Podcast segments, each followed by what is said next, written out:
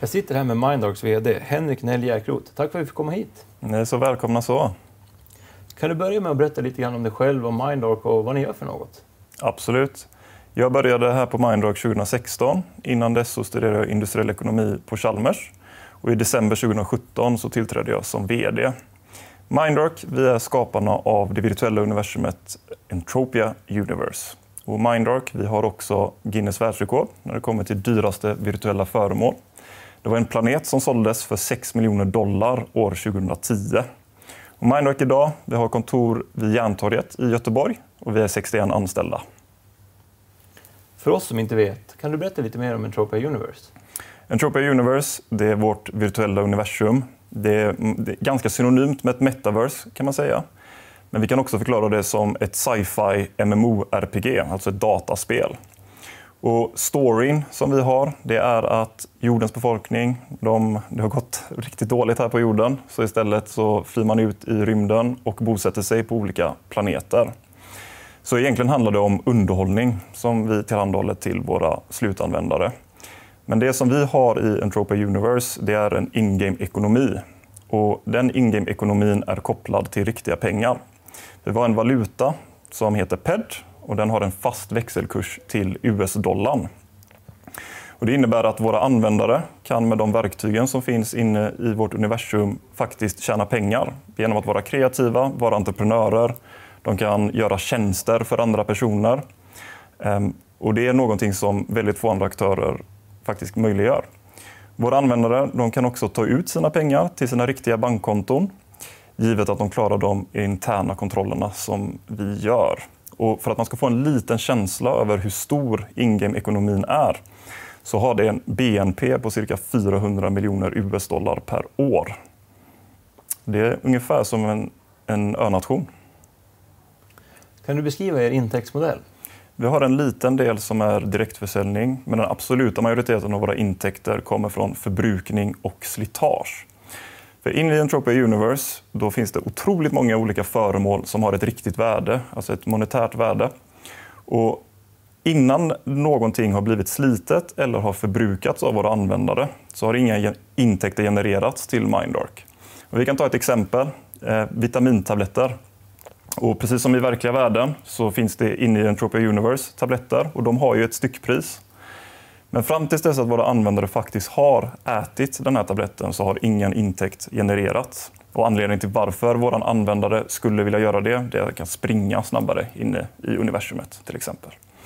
Det andra exemplet med slitage, då kan vi ta ett svärd. Och svärd det har våra användare för att de vill gå runt och slå på monster eller fightas med andra användare. Och ett svärd, när det är nytt, det har ett visst värde och precis som i verkliga världen så är det ju att när det används så blir det gammalt, det blir slitet. Och den värdeminskningen som sker i takt med att det används, det blir också en intäkt till Mindark. Så vi har en, en unik monetariseringsmodell. Om vi blickar framåt, hur ser framtidsutsikterna ut? Vi håller just nu på att byta spelmotor. Idag sitter vi i en spelmotor som heter CryEngine 2 och en spelmotor det är egentligen det som, där vi sitter och skapar innehållet i, i vårt spel. Och under 2021 då skrev vi på ett avtal tillsammans med Epic Games. Eh, och det är de som är, står bakom Unreal Engine 5 som är state of the art, det bästa som finns på marknaden när det kommer till spelmotorer. Och det gör vi främst för att egentligen ledtiden från, att, eh, från idé tills dess att det når våra slutanvändare eh, kortas ner något enormt. Men i grund och botten så handlar det om att vi vill ju ta Entropia Universe till nästa nivå. Vi har funnits i 20 år. Vi ser att vi har ett ekonomiskt system som är helt fantastiskt. Men vi vill kunna leverera en bättre upplevelse till våra användare. Och det kommer vi få genom Unreal Engine 5. Så en bättre upplevelse kommer leda till bättre kundkonvertering och en bättre kundkonvertering kommer leda till högre intäkter för oss.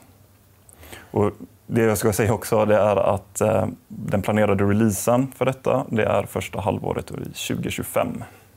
Du nämnde Epic Games där. Har ni några fler partners som ni arbetar med i nuläget? Mm. Vi har eh, någonting som vi kallar för planetpartners. Och en planetpartner det är en annan, lite mindre spelstudio. Vi har fem stycken idag och de sitter på lite olika ställen i den riktiga världen.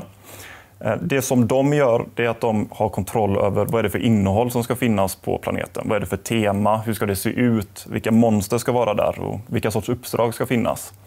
Och det som Mindark tillhandahåller det är istället plattformen, det ekonomiska systemet och också tekniken.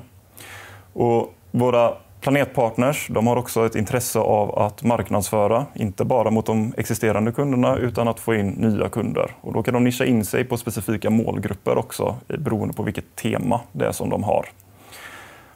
Ni avser att genomföra en direktnotering den 27 januari.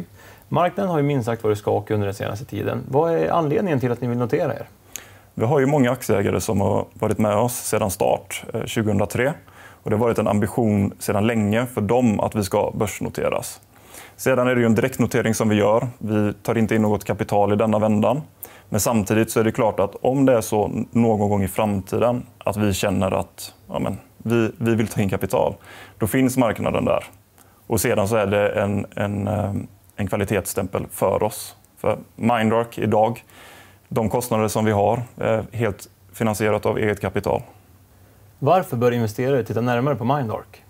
Men Mindark vi är ju inget startup. Vi har funnits sedan 2003. Vi har en Tropia Universe som har en bevisad modell som fungerar. Ett helt fantastiskt ekonomiskt system med en BNP på 400 miljoner US-dollar in-game då, motsvarande. Men vi vill ju leverera den här produkten, ge en bättre upplevelse till våra kunder. Och det kommer vi göra via Unreal Engine 5. Sedan, vi tar inte in något kapital. Vi är självfinansierade, så alla kostnader som vi har står vi för själva. Och slutligen så har vi en väldigt tydlig plan vad vi vill åstadkomma här närmsta åren.